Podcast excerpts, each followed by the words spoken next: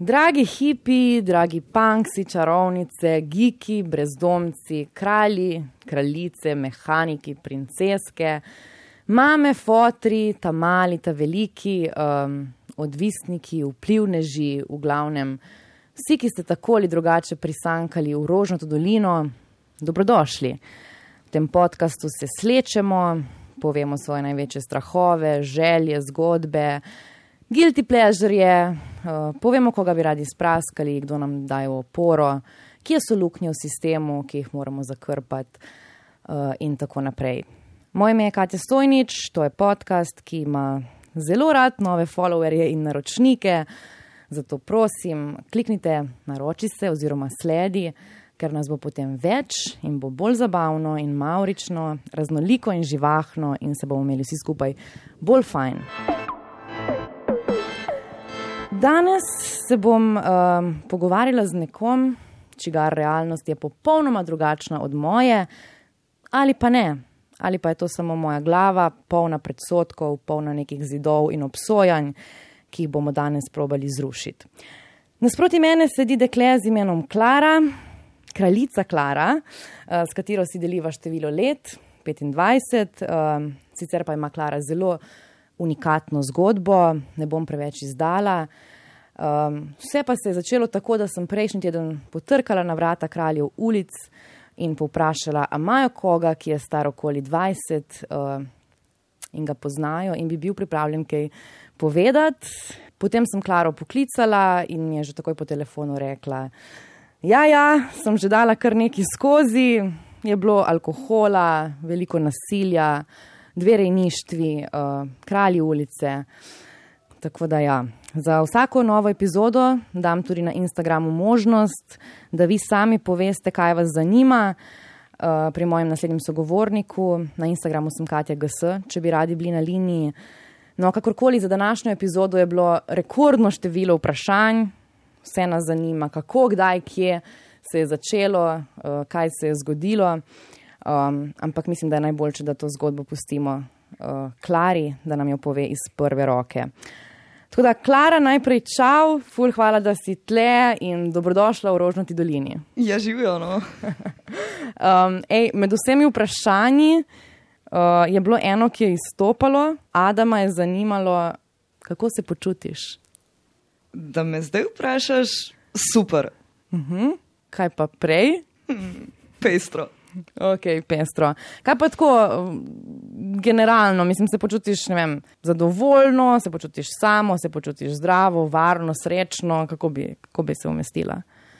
Novo leto, nova jaz. ok, super, super. Um, preden štartava s tvojo zgodbo, um, če si za, bi, bi se šle eno igro asociacij.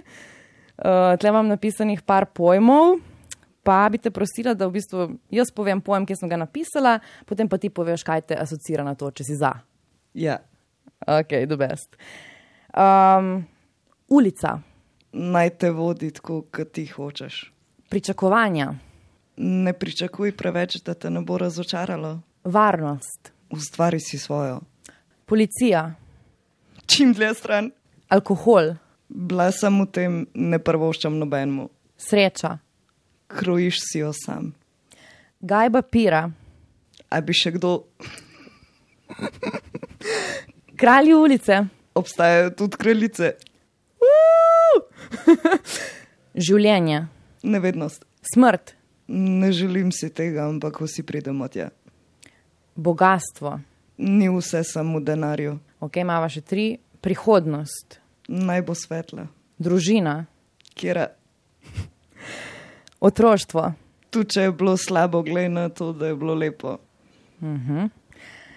Super, Klara. Uh, tako nekako smo končali z družino in otroštvom, ker se je v bistvu tudi tvoja zgodba začela.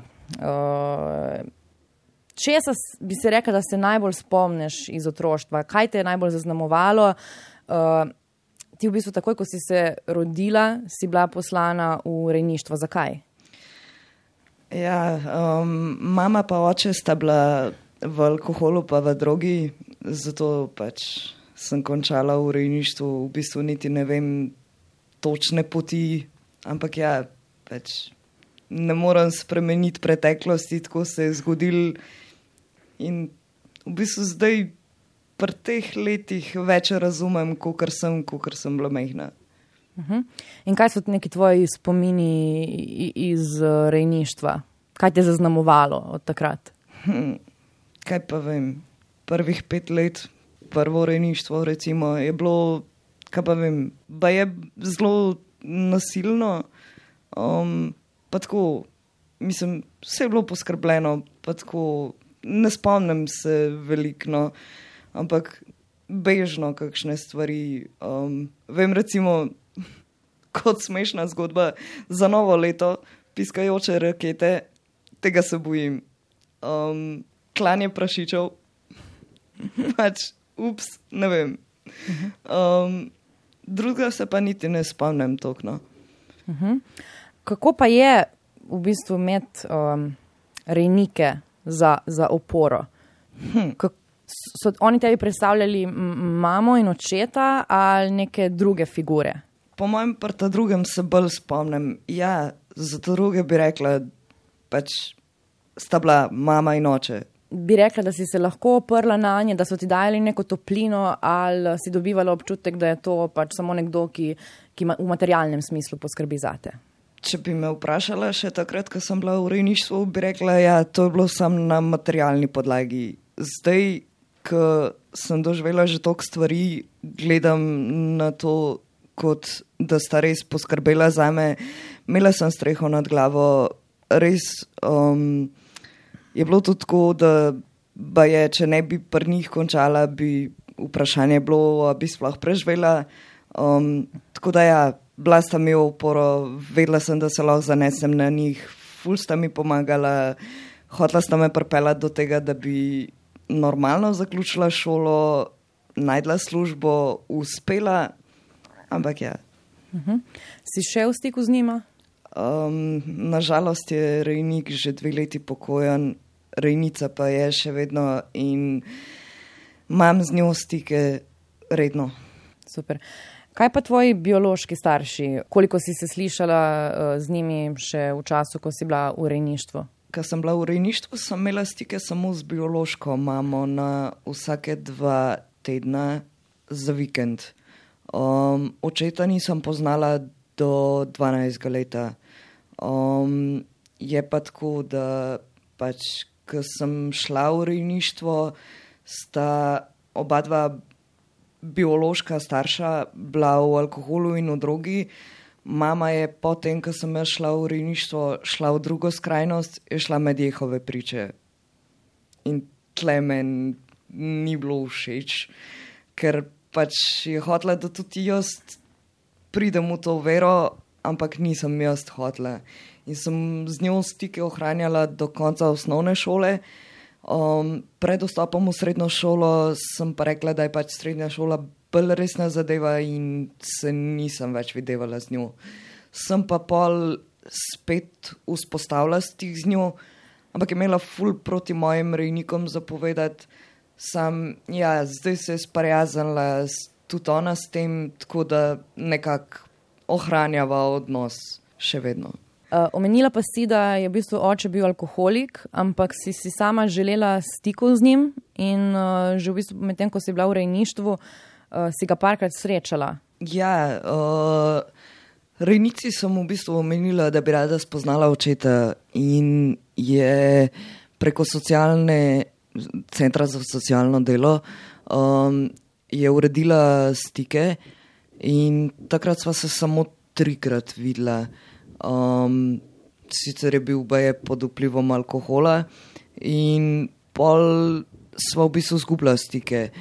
Jaz sem pa pol po koncu prvega letnika srednje šole, smo imeli ekskurzijo po Ljubljani, pa vedela sem, da je pač na ulici, mislim, ni bil na ulici, bil je poznal je kralje ulice, pa družil se je z njimi.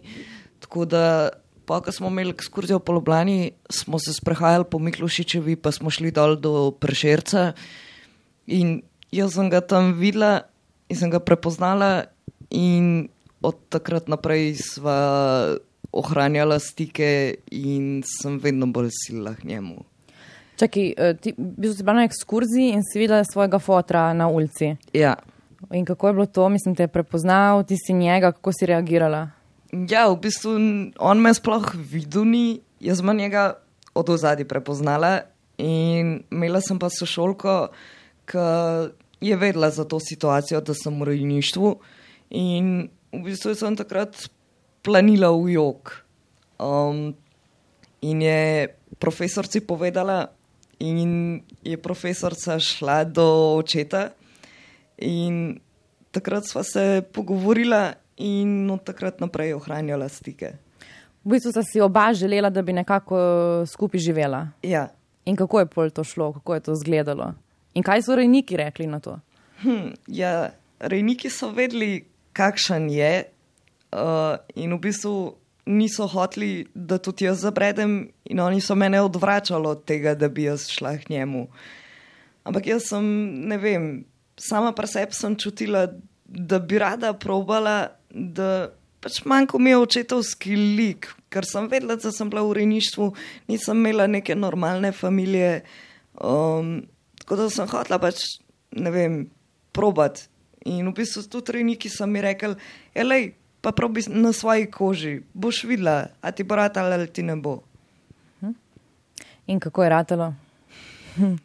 Pestro. ja. Um, ja, pač pri 19 letih sem prišla k njemu, delala sem še, pač on je živel v Ljubljani in sem v bistvu še od njega ponavljala četrti letnik, ker mi ni uspelo v prvo narediti ga, tudi v drugo mi ga ni uspel in sem v bistvu pol pustila šolo. Um, kaj pa vem, ni uspel tako, kot sem si želela. No. Ti si živela pri njemu v, v stanovanju, Ja. kaj sta počela skupaj? Mislim, kako so izgledali vajni skupni dnevi? V bistvu niso bili kaj preveč skupni. No. Um, jaz sem v šolo hodila, po šoli, ko sem prišla, sva se dobila v mestu, ponavadi na kraljih ali pa na prešercu. In to je bilo, ne vem, spit pivo, pa še kakšno pivo, pa tako malo družbe, pa noč v bistvu, tako, sam henganje. Uh, henganje z alkoholom. Ja. Okay, kaj, um, in potem si tudi v bistvu za, za, zabredla v alkohol, malo bolj. Mislim, zabredla. N- Ne bom rekla, da sem zabredla, pila sem sam devet mesecev, še to preveč. Uh -huh. Ampak ja, ja. In uh, takrat si tudi spoznala vse, v bistvu celo to ekipo Kralje ulice. ja. In uh, kako je bilo to, da si ti kot 19-letnica bila del ekipe Kraljev ulice? V bistvu, kako si se kot tudi ženska počutila del njih, kako so te sprejemali?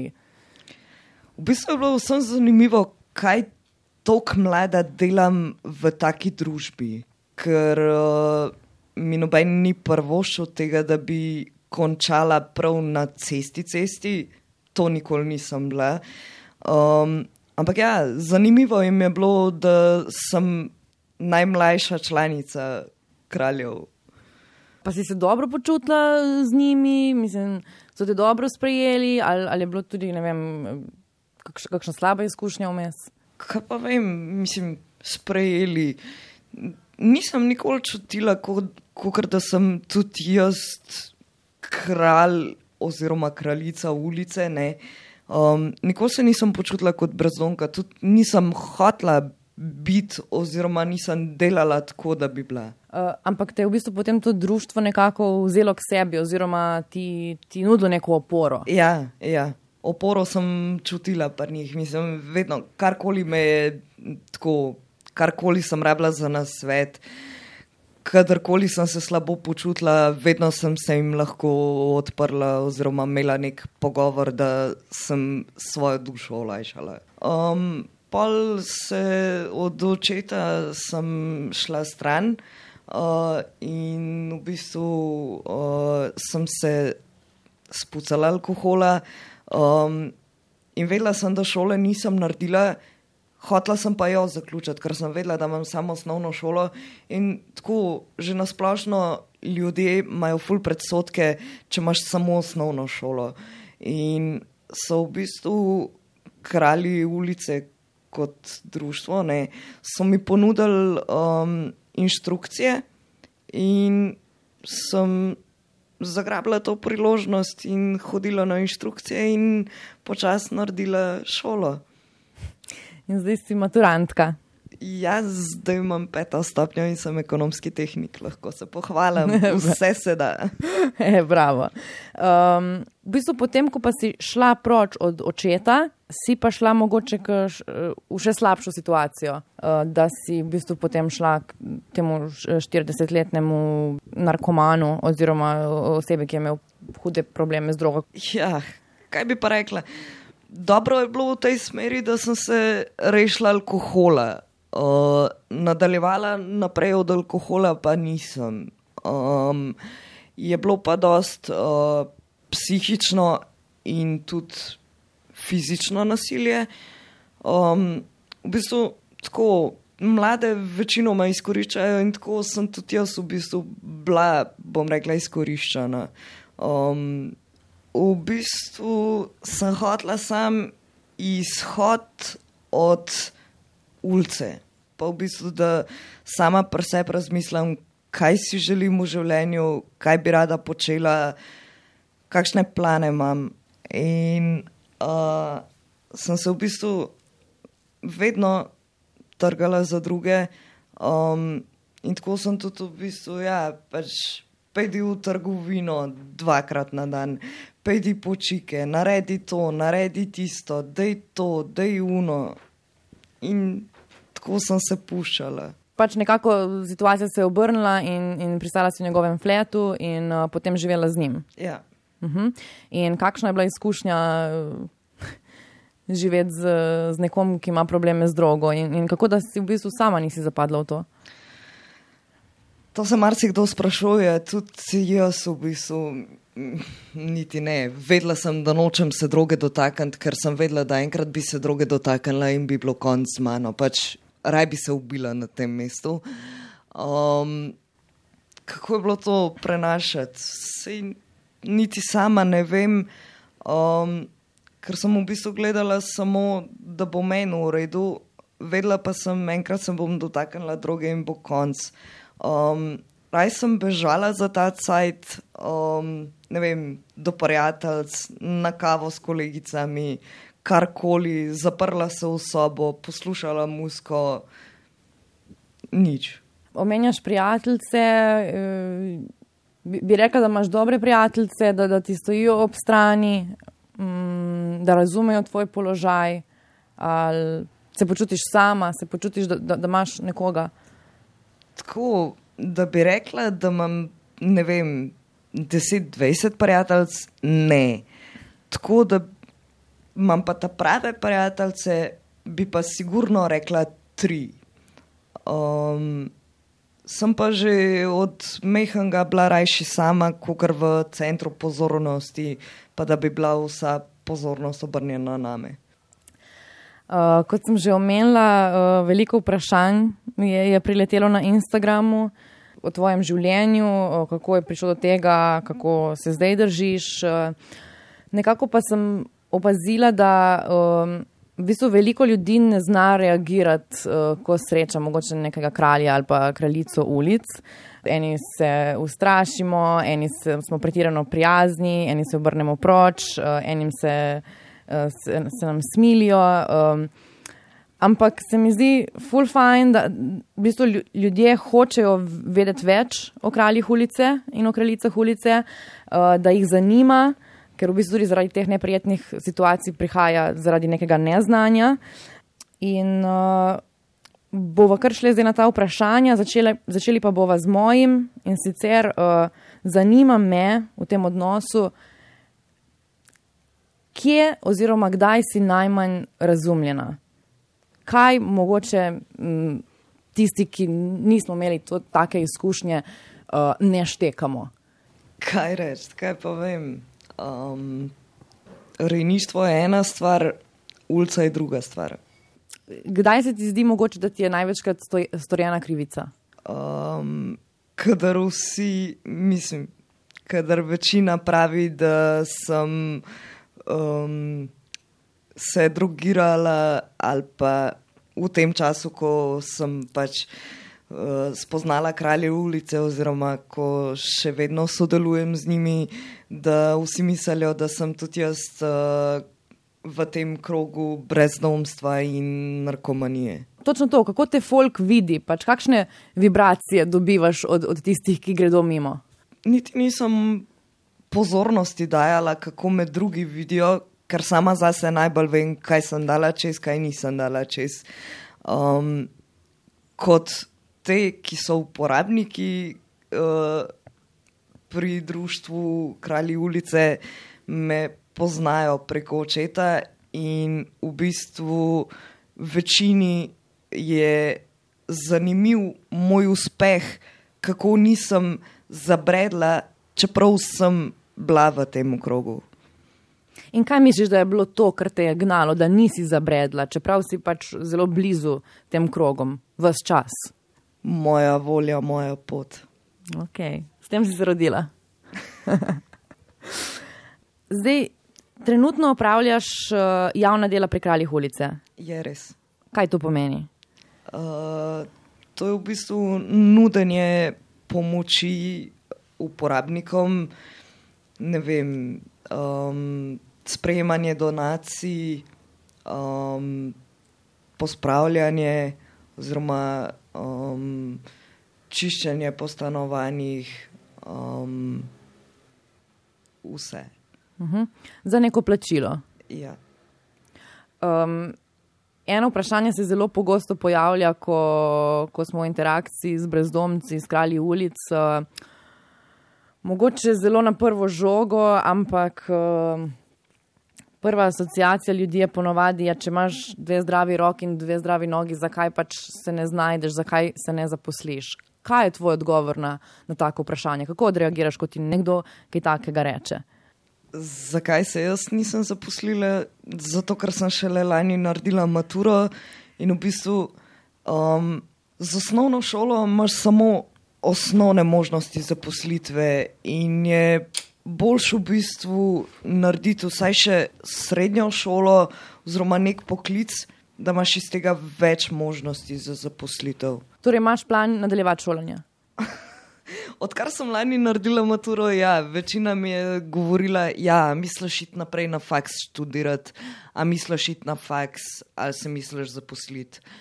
Um, glede faksa je tako, sem razmišljala, ampak zaenkrat um, bi rada še malo počakala, ker sem se še um, v bistvu sama s sabo pogovarjala, malo, kaj si res želim in kaj bi res rada.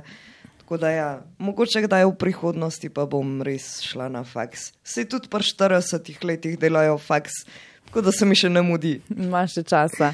Um, kaj pa mogoče drugi, ki jih bolje poznaš? Um, Kaj so tiste največje ovire, da uh, je, je težko pustiti to življenje brezdomca za sabo? Ko opazuješ uh, te kroge, kaj vidiš? Um, večina ljudi ima predsotke, um, že sem tako, kot ne vem, recimo jaz, kot vidim uh, te uporabnike kralje ulice, marsikdo ima primeren poklic, ima nek poklic in si recimo želi delati.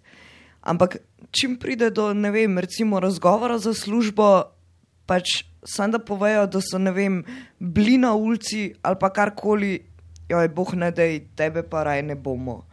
Um, Aha, tako je v bistvu, je, ima minus. Ja, adakta, tako ja. je. Mhm. Hm? Um, kako lahko, ne vem, jaz kot poprečna študentka pomagam kraljem ulice, najbolj, uh, kaj lahko mi naredimo uh, za boljši svet. Kaj pa vem, sprejemajo donacije različne. Uh -huh. um, tudi tako, karkoli, denarno, hrana, obleke. Um, tako kot predstava uporabnikov, pa ja, se pravim ne vem, ne da glih prstopati vsakmu uporabniku, ampak probati se postaviti v njihovo kožo in razmisliti, a je res tako grd ta človek, ki je na ulici. Ima, ker ima vsak neko svoje ozadje, vsak ima neko svojo borbo, vsak je neko um, slabo stvar doživel, ampak v vsaki slabi stvari se najde delček dobrega. Tako da, ja. Kako pa je ven iz tega življenja? Mislim, se sploh uh, jih večina želi zapustiti to življenje ali, ali mi je kult, kot je? Nekaterim je kult, kot je, nekateri bi si pa želeli uspeha, pa nimajo priložnosti. In, in kaj mogoče ti pričakuješ od družbe, ki bi se lahko boljše odrezala?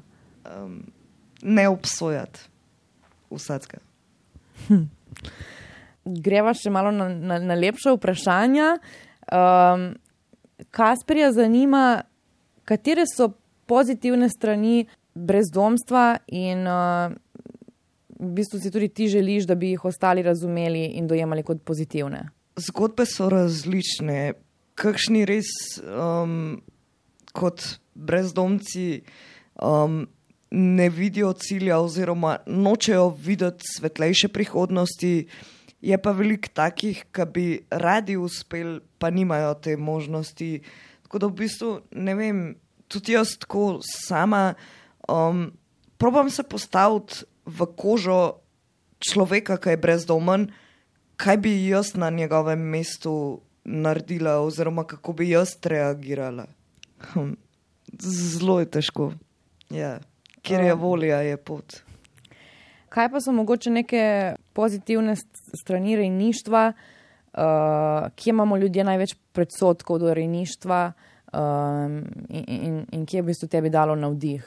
Recimo, jaz, ki sem bila v rejništvu, um, pa tako med vrstniki, večina meša rejništvo pa posvojitev.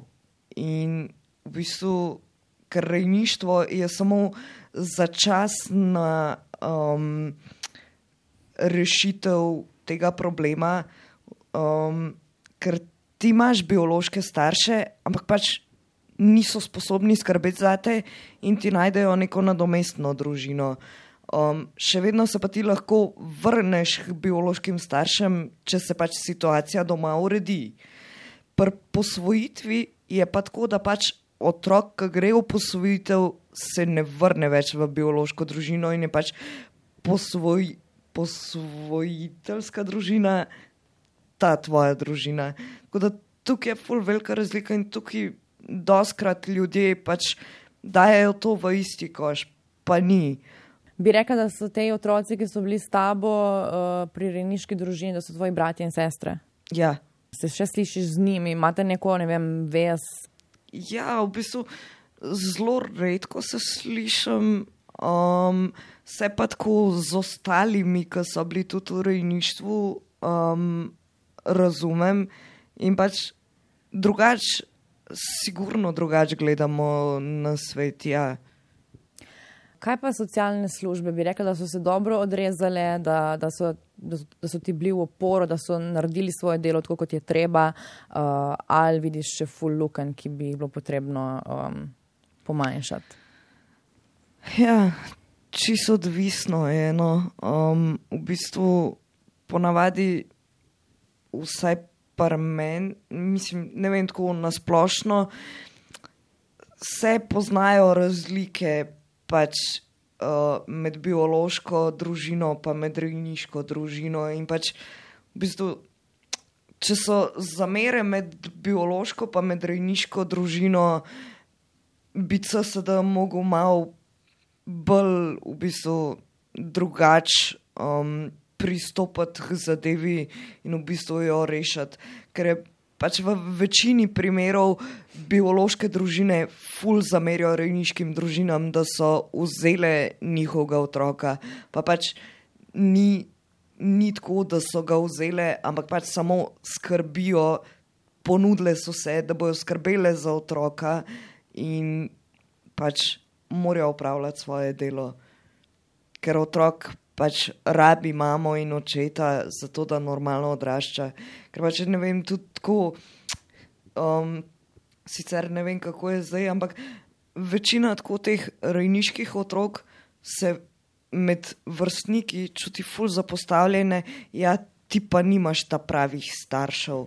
Je pač se ni otrok sam kriv, ne, da je končal v rejništvu, krivi so starši, ampak pač otroci morajo pa odraščati s tem in se pravi, kjer je volja, je pot in moraš pač. Ne moreš spremeniti preteklosti, spremeniš lahko samo sedanjost in prihodnost.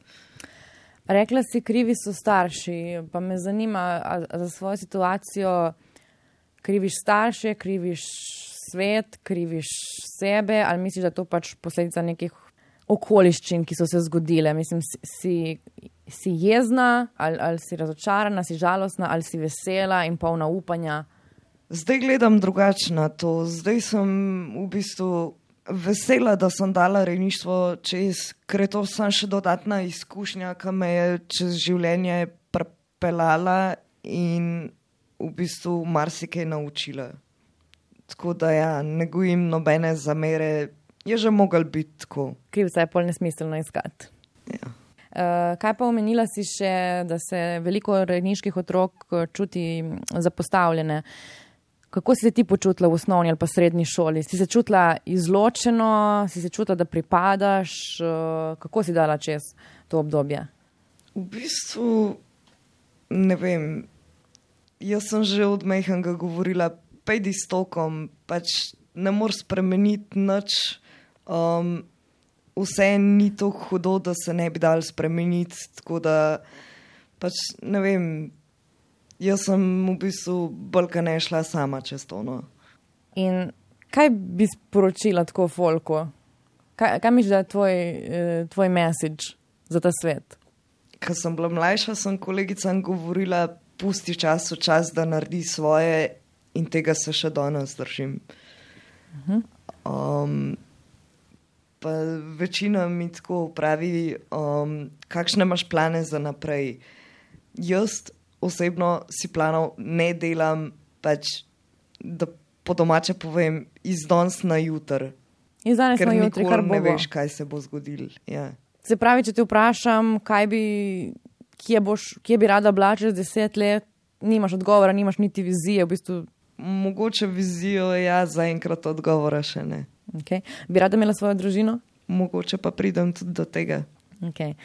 Omenila si, da zelo rada pomagaš drugim.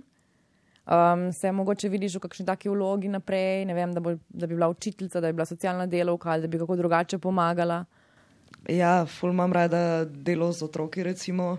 to me ful veseli. Um, tako da ja, mogoče bo pa kaj sreče na tem področju. Patricija sprašuje, kako bi odgovorila na vprašanje, kaj si v tem trenutku najbolj želiš. Biti tako srečna, kot sem ta trenutek. Oh, super. In um, um, eno izmed vprašanj na Instagramu je bilo, kaj pa tebi pomeni sreča? Krojiš si jo sam. In uh, kaj je tvoj največji strah? Umret. Res? Zakaj? Kaj pa vem, celo življenje imam še pred sabo. Pija je dala tudi fur zanimivo vprašanje, kaj za te pomeni uspeh? To, kar doživljam zdaj, da imam končno šolo narejeno, da imam službo um, in da nisem kljub vsem pacom in usponom zabredla pregloboko. Klara, najlepša hvala, ker si prišla v Rožnato dolino. Želim ti srečno naprej uh, in da boš še naprej tako uspešna kot si. Hvala tebi.